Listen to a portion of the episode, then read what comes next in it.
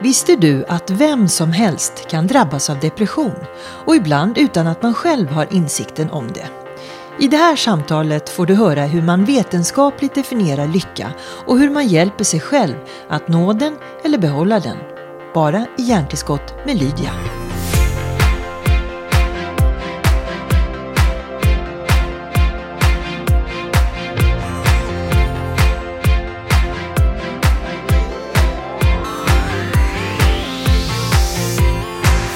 Alltså Katarina Blom, äntligen får vi träffas på riktigt. Ja, verkligen. Det var inte så självklart, ähm, äh, för du var ju noggrann med det där faktiskt. Ja, med corona. Ja. ja vi hördes ju för ett halvår sedan ungefär, när ja. allt precis hade börjat. Och jag och min eh, familj, hela familjen faktiskt, vi var ganska noga med att hålla oss hemma. Mm. Eh, mycket. Och sen så försökte vi göra en distansintervju och så kände vi att nej, det var för klurigt med tekniken. Va? Så tyckte jag också, ja. i alla fall jag. Ja. Men innan jag träffar mina gäster så tycker jag det är väldigt roligt att göra research och liksom gräva ja. vem du är och sådär. Och när jag gjorde detta eh, så eh, dök det plötsligt upp en länk där du medverkat i en amerikansk podd slash YouTube-kanal mm. där den fantastiskt duktiga programledaren, den kvinnliga, ja. eh, presenterar dig som den världsberömda psykologen, författarinnan Katarina Blom. Och jag blev så stolt. tänkte, hur hittar de dig? Ja, ja. Det, det, undrade ju jag också när jag fick det mejlet i inboxen. Hon var, vi vill att du är med i vår American så här, talkshow. Och, ja. Väldigt roligt och väldigt häftigt för de har de skickade ut en liten brief på vilka andra gäster de har haft. Och jag, eh, nu kan man vara starstruck struck av olika människor, men jag älskar den här tv-serien eh, Fab Five, The Queer Eye. Mm. Eh, och då såg jag att flera ur det gänget hade varit på den här showen och jag bara yes, jag ska vara med där också. Eh, sen har de ju många häftiga forskare också som är med och blir intervjuade ja. Eh, i den. Ja. Men du, eh, vad är lycka? Lycka egentligen? För du har ju fokuserat på vetenskapliga fakta kring just lycka som mm. psykolog. Men mm. vad är då lycka? Ja, det beror ju på vem det är man frågar och det finns olika sätt som man försöker att fånga in det här fenomenet med lycka. Um, men jag kan väl säga direkt att en vanlig missuppfattning tycker jag är att till vardags så definierar vi lätt lycka som att det är så närvaro av en positiv känsla i bröstet. Och det är ju absolut en del av vad det kan vara att vara lycklig, att känna den här varma och sköna känslan. Men det blir ju också en väldigt trång kostym om vi bara får vara lyckliga så länge vi har närvaro av den här mysiga känslan. Ibland så kan vi ju känna att vi är eh, djupt engagerade i någonting som är ganska jobbigt och kämpigt. Och det är inte alls speciellt härligt. Men det ger oss ändå någon form av tillfredsställelse. För att vi kanske känner att det vi gör är meningsfullt. Eh, att vi får ta del av en liksom, meningsfull strävan. Och då är vi genast inne på lite bredare definition av vad lycka kan vara. Eh, så, och här är jag direkt nu inne på att en del menar att lycka består av olika komponenter. Att det finns en tankemässig kognitiv del som handlar just om när man tänker på sitt liv. Hur, hur, hur, trivs jag med tillvaron? Ja, men jag trivs ganska bra. Eller nej, men jag trivs faktiskt inte så bra. Det är liksom en del av lycka. Och den brukar man mäta med hjälp av ett, eh, en skala som heter livstillfredsställelse. Eller tillfredsställelse med livet. Och det kommer man lite åt genom att just göra en sorts överslagsberäkning. Så här, ja, men Lydia, hur, hur trivs du med ditt liv? Och då tänker man ju lite sådär större ett större tidsperspektiv. Ja, men, och var jag bor, vad jag jobbar med, hur jag känner mig. På, liksom, ja, det är eh, lite hur, långsiktig och kortsiktig ja, lycka. Ja, lite så tycker jag. Och så finns det en annan del då, som är mer känslomässig eh, komponent. Och den kommer man åt när man bara ställer frågan, hur mår du just nu? Mm. Eh, och sen kan man ju slå ihop de där två, hur vi trivs med våra liv, men också hur vi mår dag till dag. Och där har man sett i flera studier att de hänger ju inte alltid ihop. Det kan vara att man trivs jättebra med eh, ja, men hur trivs du på ditt nya jobb? Ah, det är så häftigt, så fantastiskt, jag trivs jättebra. Men om man skulle mäta dag till dag så är kanske personen är mycket mer stressad och känner sig mycket mer otillräcklig eller har mer självkritiska tankar än vad den har haft på sitt tidigare arbete. Men där kanske var någonting annat som, liksom, det var inte lika hög status. Eller, så där var man inte lika tillfreds med det, men man tyckte det var roligare och härligare från dag till dag. Så de där två hänger inte alltid ihop. Eh, och det kan också vara bra att bara ha med sig. Mm. Du, du, med tanke på hur långt ditt svar är ja. så förstår jag att folk blir lite eh, sökande eh, mm. när man frågar är du lycklig? Mm. För då måste man ju tänka till och man kanske gör det lite spontant på alla de här parametrarna. Ja, men jag får ju ofta den frågan i intervjuer. Och det var därför jag tänkte jag ska inte börja med den. ja, men det är härligt faktiskt att du inte börjar med den, för jag kan känna att man går lite fel då. Fast det är ju också, jag förstår för man frågar och det är ändå en lite så trevlig ingång. Men eh, många, jag upplever att många tänker att ja, men Katarina som har skrivit om det här och pratar om det, du måste ju vara megalycklig som förstår hur man ska liksom göra alla steg rätt på något vis.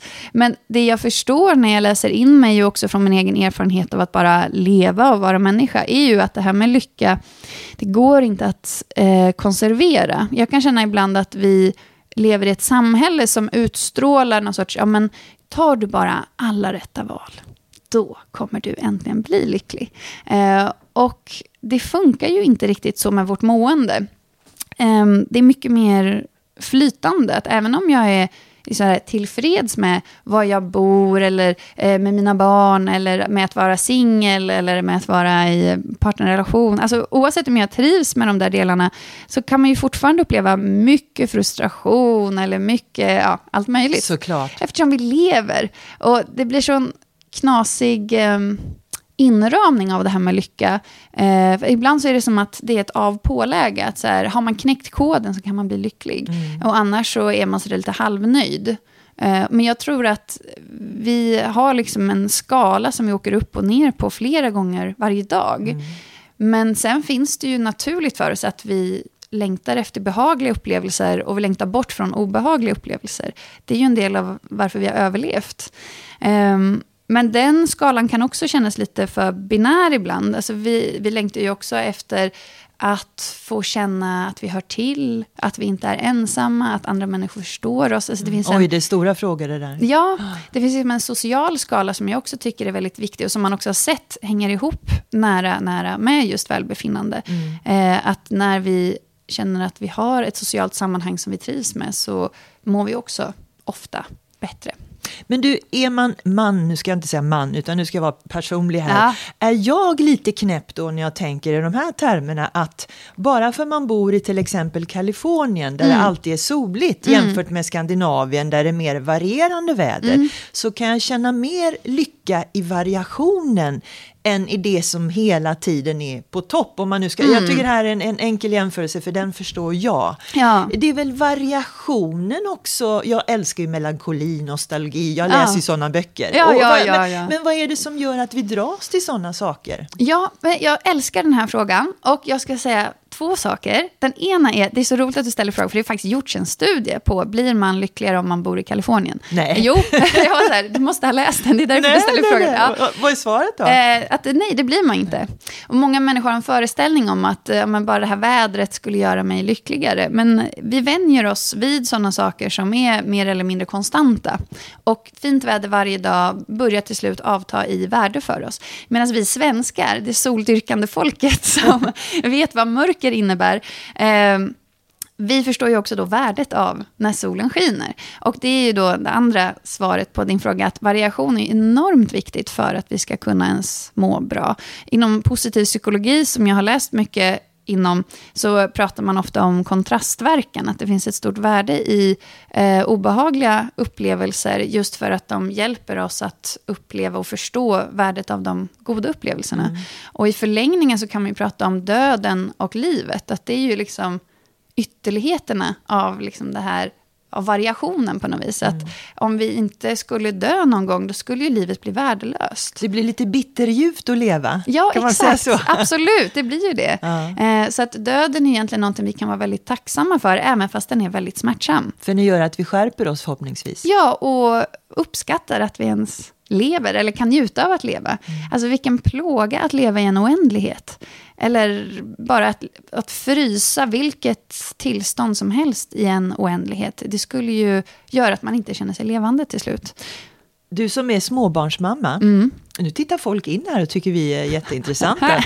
Då får de lyssna på podden. Jo, eh, du som är småbarnsmamma, mm. jag vet inte om du har hört den förr, men eftersom jag har tonåringar så fick jag ofta höra frågor, eller ofta, då och då sa barnen så här, mamma jag har så tråkigt.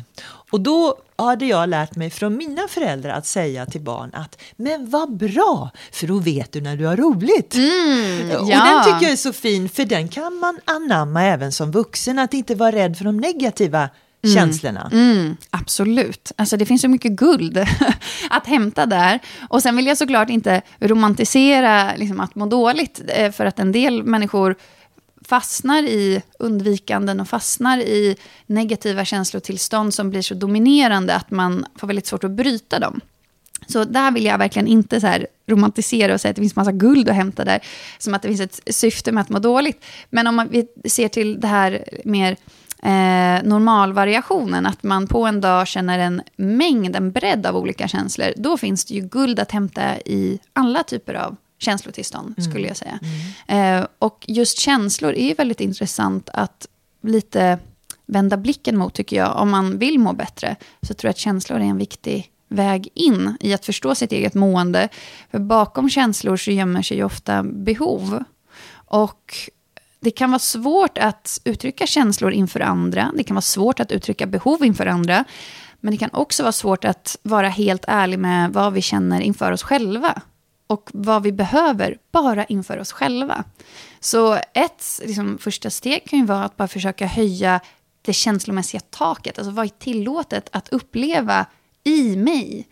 Inte ens att någon annan behöver veta om.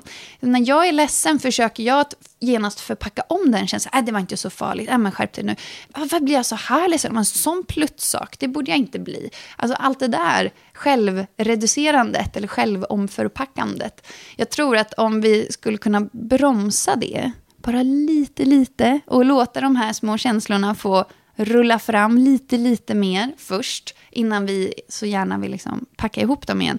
Um, så tror jag som sagt att det finns mycket självkännedom att hämta och därigenom kan vi också förstå bättre vilka val vi ska ta i våra liv, vilka människor vi ska omge oss med, vilka aktiviteter vi ska fylla våra dagar med.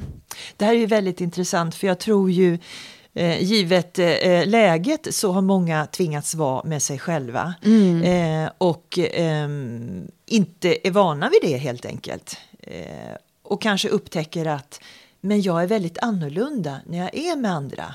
Och då kommer man in på det här filosofiska eller psykologiska. När är jag mitt rätta jag? När är jag Lydia på riktigt? Mm. Är det så självklart att jag är det med mannen eller med barnen? Eller är det när jag är ensam och pratar för mig själv? Alltså mm. i vilken kontext då, för att använda ja. dina ord, kan ja. man förhålla sig till sig själv? Mm. Nu blev det nästan lite spejsat här, men, men, du förstår ja. kanske vad jag menar. Nej, men, eh, jag tycker att um, jag tycker generellt sett att det är intressant att lära känna sig själv i många olika kontexter. Så jag tror att uh, vi kan... Uh, ja, men jag, jag delar ju den uppfattningen att vi människor är långt ifrån isolerade öar. Att vi är en och samma oavsett vilket sammanhang jag rör mig i. Utan vi är väldigt genomsläppliga. Vi eh, påverkas starkt av det sammanhang vi är i. Och eh, olika sammanhang stimulerar olika sidor i oss. När jag är hemma med eh, mitt barn så är jag eh, superflamsig och eh, tramsig. Och när jag sitter här så är jag så här uppstyrd så att till och med du känner så här, oj, här måste jag sammanfatta programinnehållet på förväg. Ja. Eh, så att olika sammanhang plockar fram olika sidor i oss. Mm. Och ibland så känner jag att vi pratar för mycket om det här med att man ska vara autentisk. Eh, för det kan skapa stress hos många. Hur vet jag när jag är autentisk? Hur vet jag om jag är falsk eller förställer mig eller så? Och jag skulle säga att um, olika sammanhang plockar fram olika sidor i oss. Och det kanske inte handlar om att vi är mer eller mindre autentiska, utan mer vi blir olika stimulerade. I ett sammanhang är jag extrovert och i ett annat är jag introvert. Men jag är fortfarande Katarina i, i båda. Så nu under pandemin så har vi ju fått vara hemma mycket som du säger.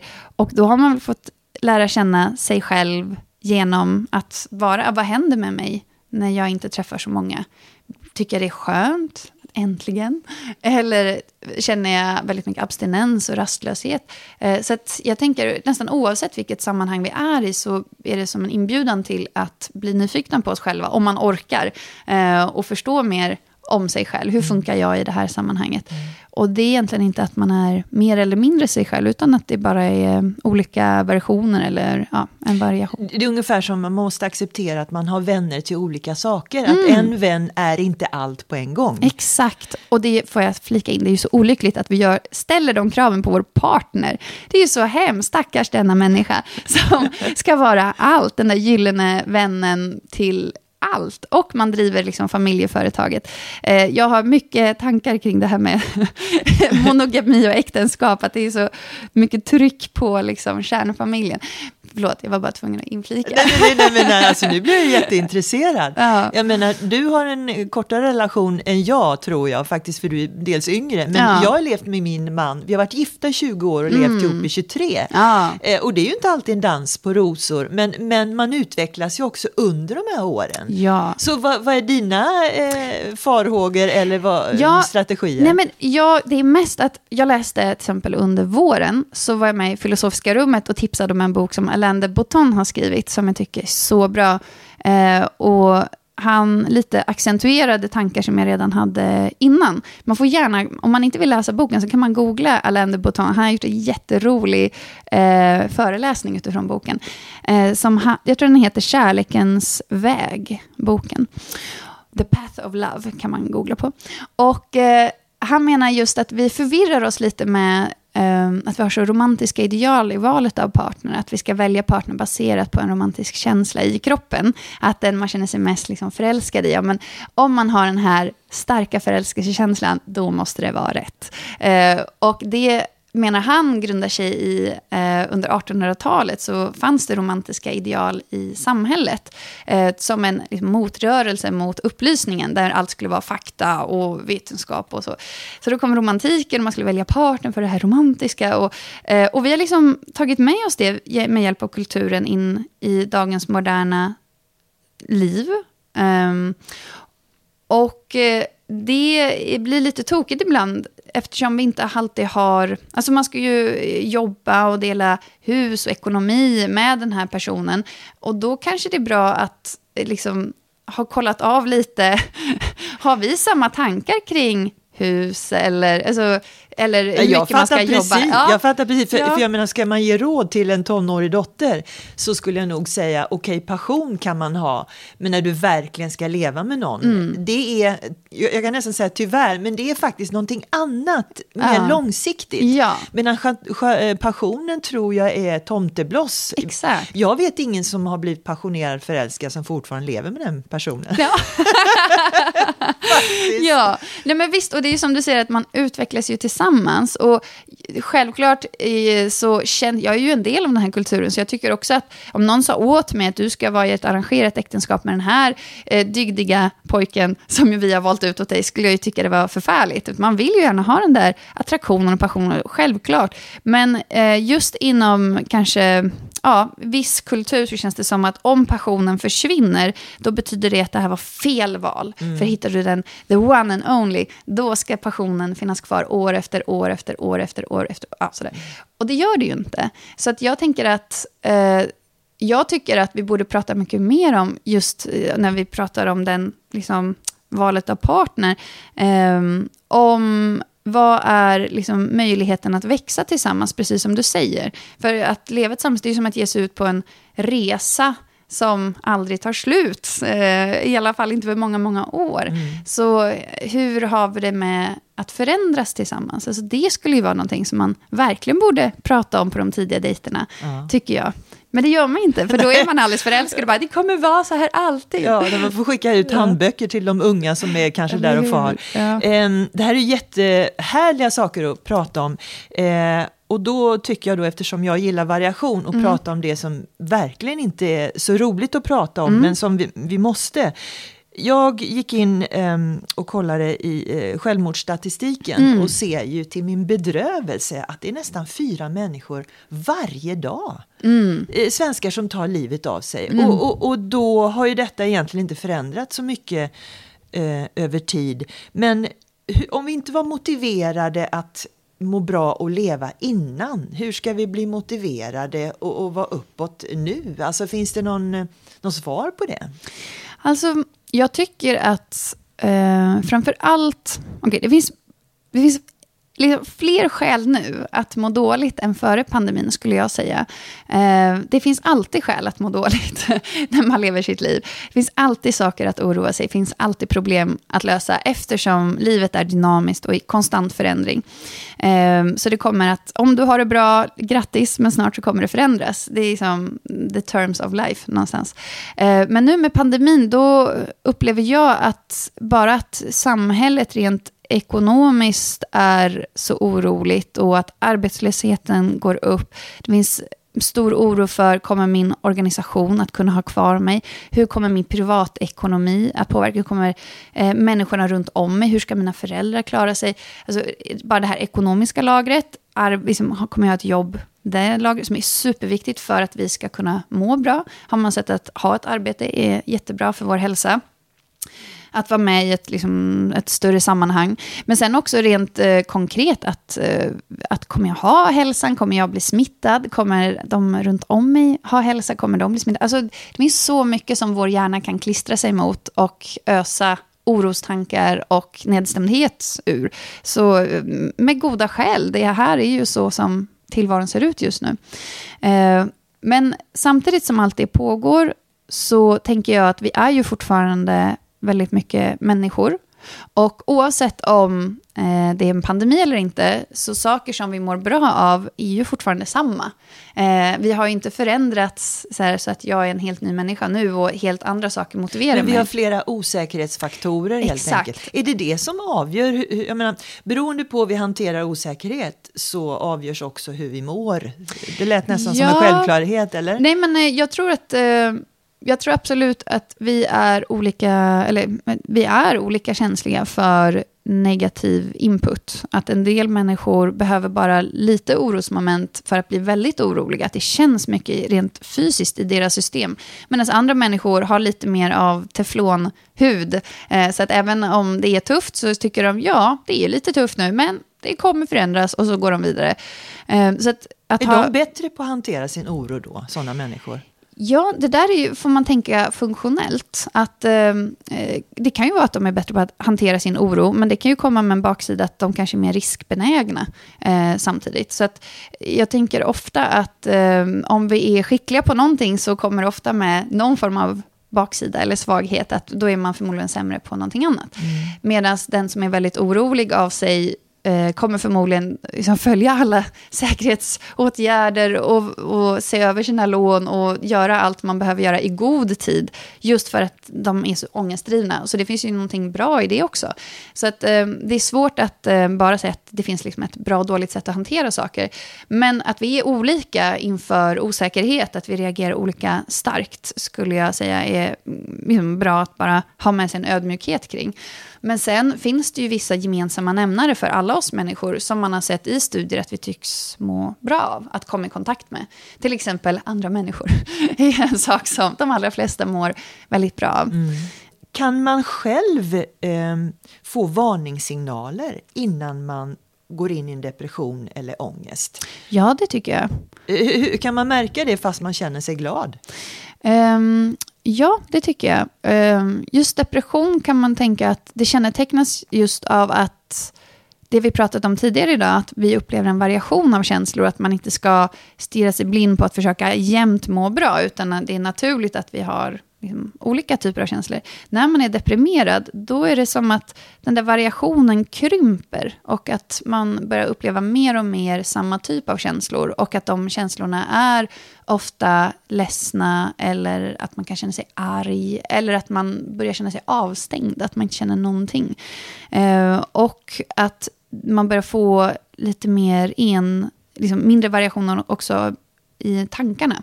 Att man får mer återkommande tankar som utmålar en dyster förutsägelse liksom om framtiden. Eh, kanske börjar grubbla mer på jobbiga saker som har hänt. Kanske börjar tänka mer självkritiska tankar.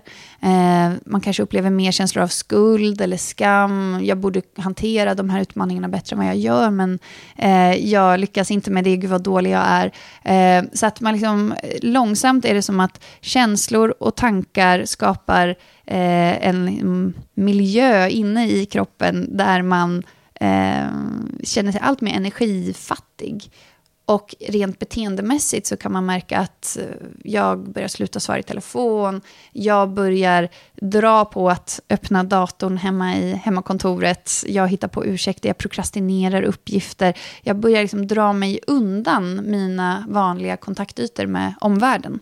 Och jag skulle säga att eh, just det som skiljer för så här kan vi ju alla känna ibland, att man ifrågasätter sig själv eller åh, prokrastinerar lite, idag känns det tungt att gå upp. Alltså, det är ju normalt, men just det som kännetecknar depression är att det kommer så pass ofta.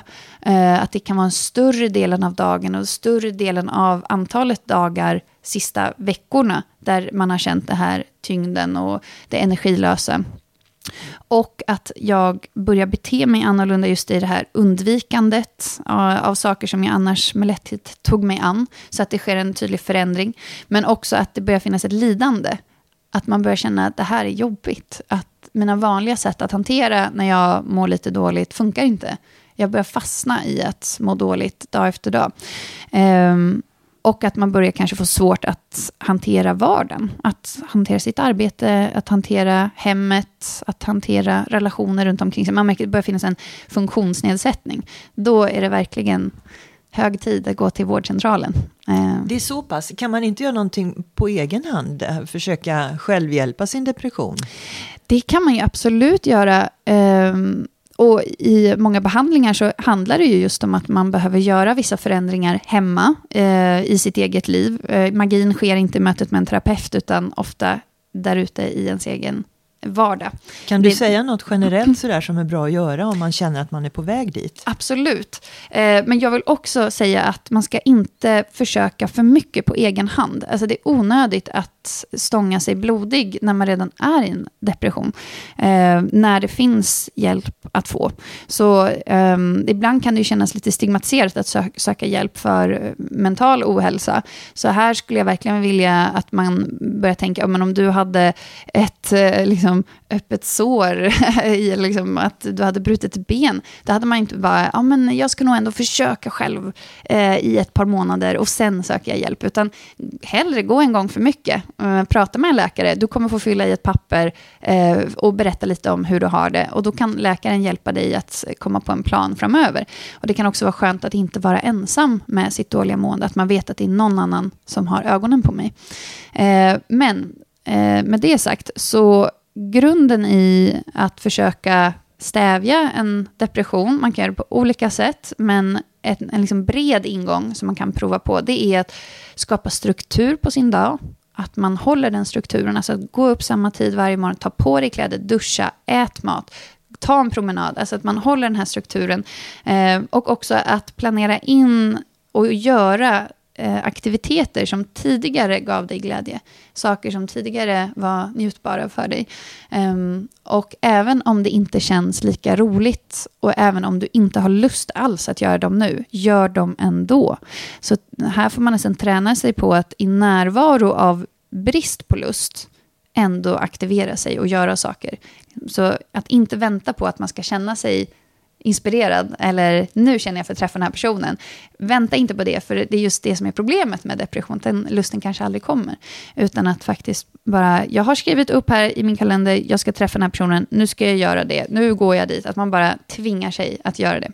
Mm. Um, och vad som är viktigt att säga, Katarina, jag tror du håller med mig där, det här med depression eh, kan ju faktiskt hända alla. Ja! Som oh. oavsett hur, hur väl vanligt. det ser ut på utsidan, mm. eh, man kan till och med ha jobb och mm. ekonomisk trygghet. Ja, absolut.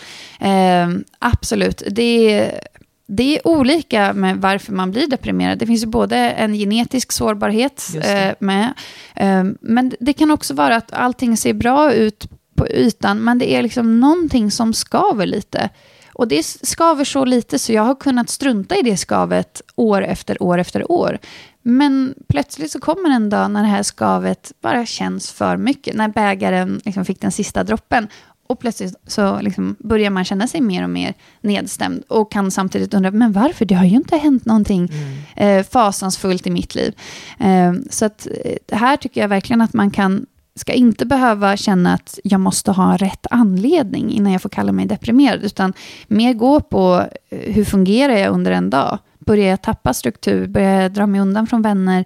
Börjar jag ha svårt att hantera mitt jobb? Och att man har närvaro av de här tunga känslorna. Mm. Eh. Men det finns ju lite olika skolor kan man kanske kalla det mm. för hur mycket man ska gräva i de här svarta hålen. Du mm. kanske kommer till terapeut och så upptäcker den under samtalet att det är någonting i barndomen. Mm. Och kroppen har ju försökt glömma det. Mm. Ska man inte följa kroppens naturliga ingivelse att det där ska vi hålla oss borta ifrån? Eller? Ja, det finns ju många, det här är lite av en het potatis, det du härligt, frågar om.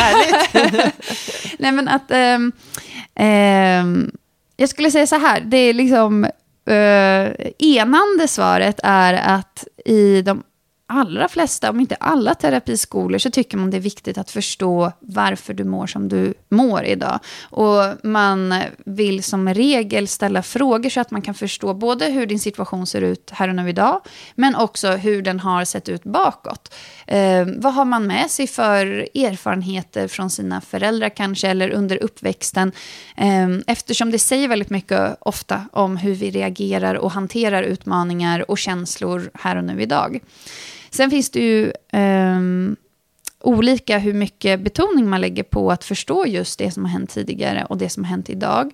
Eller det som pågår här och nu idag. Um, och det du nämner här med att eh, kroppen kanske har varit med om någonting som den har glömt bort, men som i ett terapirum kan återupptäckas. Um, det finns ju en del som menar att det här med bortträngda minnen inte fungerar så som vi har trott att vi går runt och har mycket bortträngda minnen och sen i terapin så plötsligt kan vi komma ihåg många saker.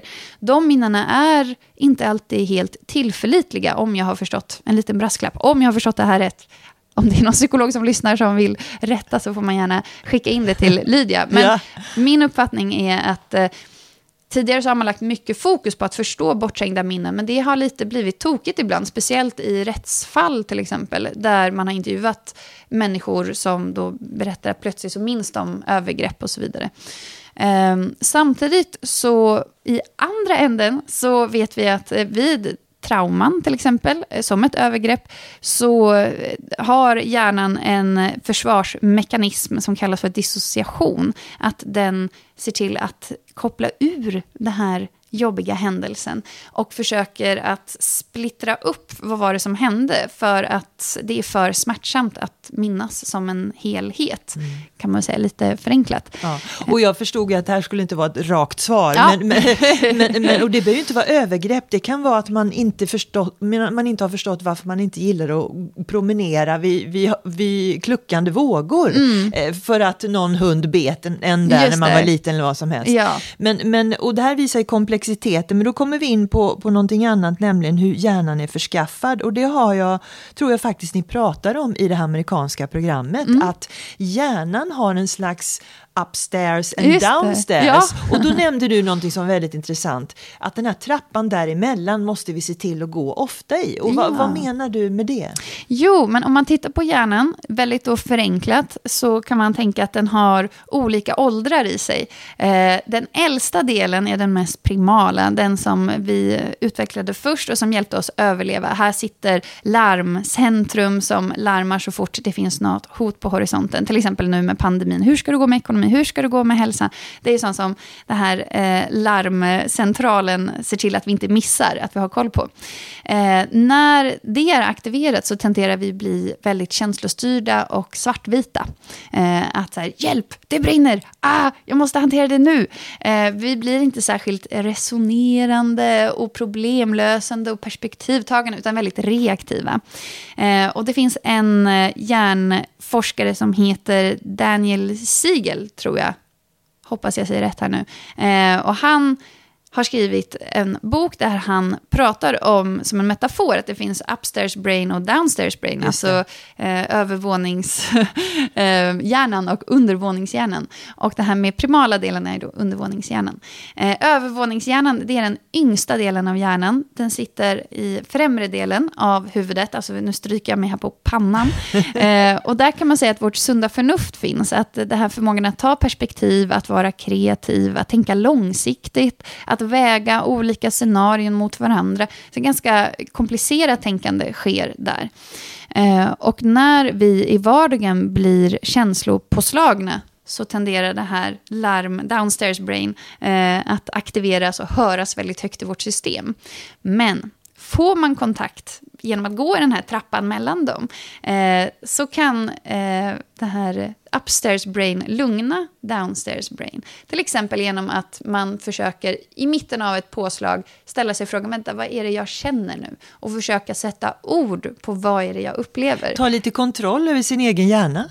Ja, lite hjälpa den att eh, förstå eh, och lite uppfostra de här vilda reaktionerna. Och det här kan man ju då använda mycket i barnuppfostran till exempel. För man har sätt att bara genom att få ett språk, att sätta ord på vad är det som pågår, var, liksom, vad är det jag upplever, vad är det jag känner, så lugnar sig lite det här starka känslopåslaget. Jag brukar prata högt med mig själv. Ja, inte det... fantastiskt. Det är ja. ju jättebra. Ja, ja. Jag, jag, märker det själv att nej, men nu får du ta det lugnt, nu, nu ja. överdriver du. Ja, men jättebra. Mm. Ja, men, och inom terapi så får man ju ofta göra det tillsammans med terapeuten. Mm. Att man plockar fram något tillfälle där man blev väldigt starkt känslomässigt igångdragen. Och att man, okej, okay, men vad var det som for igenom, vad tänkte du då? Eh, ah, men hon ska alltid göra sådär mot mig, eller något sånt. Eh, och så kan man börja resonera kring det uttalandet. Att, eh, Okej, okay, men hur ofta har det här skett tidigare? Gör hon alltid så? Finns det inga andra interageranden som ni har med varandra? Så att man liksom hjälper och kickar igång det här sunda förnuftet att bredda bilden, nyansera, för det ofta gör oss lite lugnare. Mm. Och det är först när vi är lite lugnare som vi kan få fatt i den här lite klokare delen av oss själva, den som är lite mer vis och kan ta perspektiv och förstå saker lite mer. Sån som du är hela tiden, ja, 24 timmar Exakt. ja, vi bråkar aldrig där hemma, Nej. det händer ju bara ja, inte. Ja, så är det. Eh, men givet allt vi pratar om nu, så för det första så skulle man man kunna prata i två timmar med dig känner jag. Mm. Men jag tänkte vi skulle eh, runda av med, med att gå eh, mot det vi faktiskt lovade lite grann. Att eh, ja. med hjälp av eh, PERMA Mm. Eh, det är förkortningen P-E-R-M-A-H eh, och du kommer strax att förklara varför. Men att man kan med hjälp av det här kan man säga digitala gymmet på något sätt se till att man krattar gången så att man kan eh, dra till sig lyckokänslor mer ofta. Mm. Var det rätt? Ja, men det låter väl jättefint. Kratta gången, kratta manegen. Eh, absolut. Jo, men, eh, jag eh, nämner i den här eh, showen, Better Together, som du hade kikat på, att ibland så tänker vi att lycka är någonting så här viljemässigt, man sätter på, stänger av. nu vill jag vara lycklig, kom igen nu, lyckokänslor, kom igen. och det är ju inte så det fungerar, utan känslolivet är ju lite vilt. Det pågår, det sker åt alla håll, vare sig vi vill eller inte i varje stund. Men vi kan ju göra vissa ageranden som lite bjuder in till att en viss typ av känslor ska uppstå mer ofta. Och det är precis det som egentligen jag pratade om tidigare med depressionsbehandling. Att fortsätta göra aktiviteter som är härliga, för det bjuder in till att öka chansen att man kommer i kontakt med en härligare, liksom en positiv känsla. Mm. Eh, och så är det ju lite med, då med lycka, att vi kan prova att göra vissa ageranden som man har sett verkar bjuda in välbehag för många människor. Så kan man undersöka, funkar det för mig också? Och en sån här liten vägledning in i det är just eh, den här akronymen då, PERMA, som är en modell för välbefinnande som Martin Seligman har tagit fram om man vill eh, undersöka det mer. Men vad har det med digitala gympa att göra? Alltså det är ja, hjärngympa? ja, men precis. Eh, jag och en psykologkollega har tagit fram Sveriges första psykologiska gym som finns på nätet. Och det heter habitud.se. Eh, och habitud är en lek med ord, det är habits och longitude. Alltså hur kan vi förändra våra vanor på lång sikt? För vi tycker att eh, det finns så mycket bra psykologi och forskning. Vi borde kunna förpacka den så att eh, det blir lättare att använda sig av den här forskningen i vardagen, till exempel i form av goda vanor. Och dit kan man eh, söka sig via nätet ja, och, ja, kika på mer. Finns permametoden uppskriven där eller? Eh, det vet jag faktiskt inte. Ehm, kanske inte så att man ser den direkt när man kommer in. Eh, men man skulle kunna googla på habitud och perma så får man se om man hittar något. Ja. Men habitud.se har väldigt många olika övningar som man kan prova på. Men perma då, ja. det, det, är väl den övningen som är enklast och mer generell kan man säga? Ja, eh, det är ju som ett samlingsnamn. Så att man täcker in väldigt mycket, eh, tycker jag, i perma. Det är en bra väg in i välbefinnande begreppet. Och P här, det står för positiva emotioner eller positiva känslor. Och det är en väldigt kortsiktig del av vad det innebär att må bra. Och här kan man ställa sig frågan eh, helt enkelt, när har jag känt att jag kommit i kontakt med en känsla av njutning eller välbehag i min vardag tidigare. För där får man ofta eh, bra tips på vad är det jag borde fortsätta göra mm. även framöver. Vad är, vad är, det just jag känner får positiva känslor av? Liksom? Mm, ja. Precis. Eh, så jag älskar till exempel att eh, ja, men ha ganska långsam morgon där jag hinner busa med mitt barn. Det är jättehärligt. Då känner jag att jag liksom har, mitt liv är mer än att bara vara i ett ekorrhjul och jobba. Och så här, man känner man får in lite såna här mysstunder även på morgonkvisten. Ja, du är där. Jag är där att jag vill vara ensam, dricka kaffe och känna att verkligen ha egen tid på riktigt innan äventyret dagen börjar. Mm. Liksom. Ja, men, men du, visst. E då? Ja, E står för engagemang.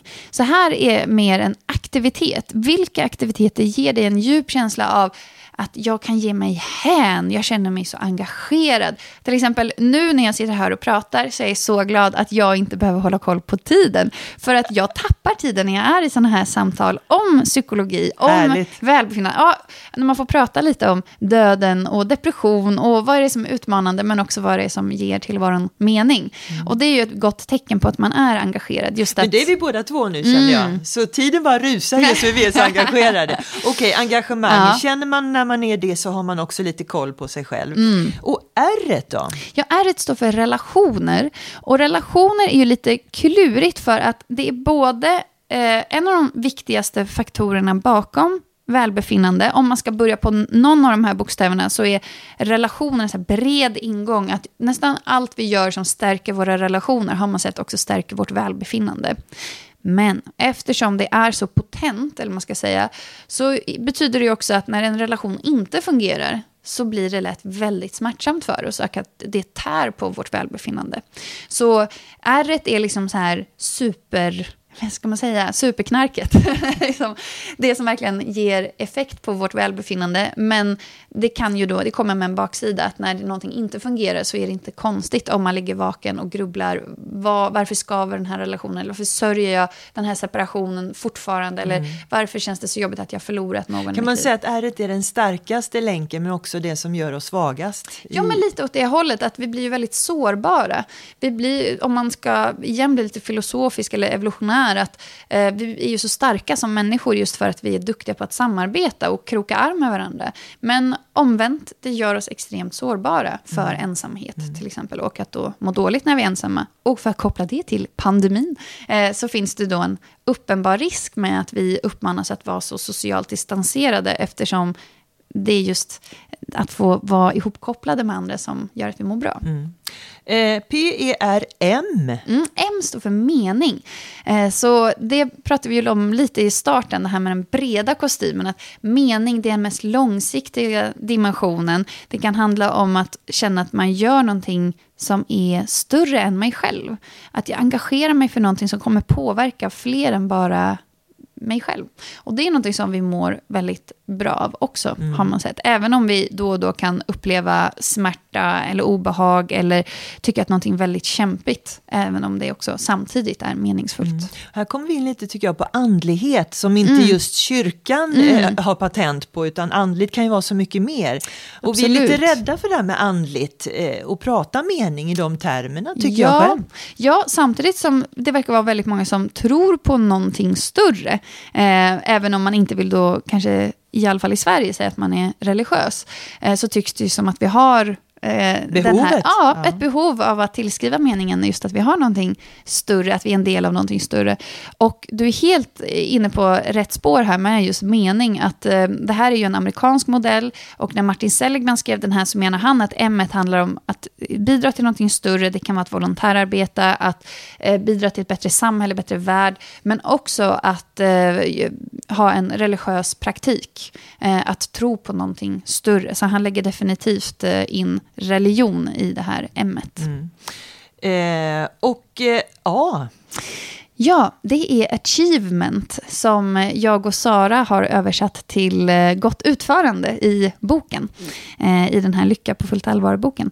Och eh, gott utförande handlar om att vi människor tycks ha ett behov av att då och då få känna oss kompetenta ser man på. Vi gillar att få känna oss lite så här, jag har koll på läget, jag klarar av det här, jag är bra på det här och jag får chans att utöva det i vardagen. Inom eh, positiv psykologi så finns det eh, ett område som försöker kartlägga karaktärsstyrkor. Eh, det finns test man kan göra på nätet gratis som heter VIA Strength, tror jag. Något det finns lite olika.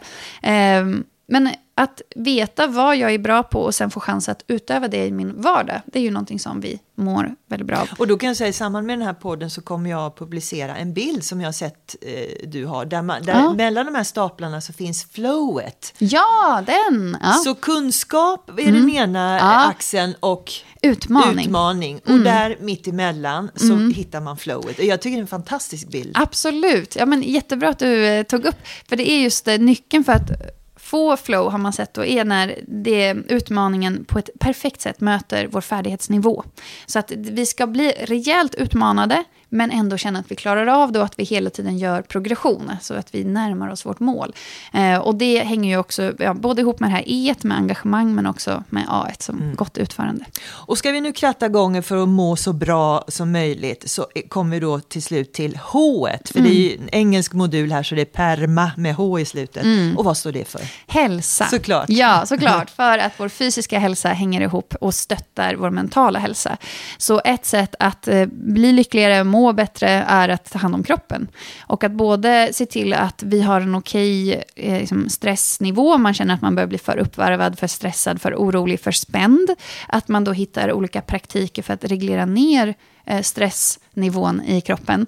Eh, men också att eh, bara njuta av kroppen, att eh, ta sig ut i skog eller eh, gå på promenader, att lyssna på härlig musik, att dansa, att äta god mat. Eh, allt möjligt som stärker vår fysiska hälsa har man sett också stärker vår mentala hälsa. Fantastiskt, jag tycker det är en jättebra modell, modul eller vad du kallar det för. Mm. Eh, och, och, jag tycker mycket handlar om hur man förhåller sig till saker och ting. Och jag ser nu att det regnar ute och vi ska förhålla oss positivt till det för vi ska ta en bild i regnet. Oh, härligt!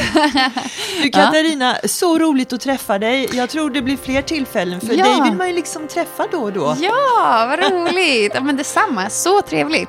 Eh, väldigt roligt att du hade gjort så mycket research känner jag och ställt så otroligt bra frågor. Det blir jag glad över. Ja, verkligen. Tack! Mm.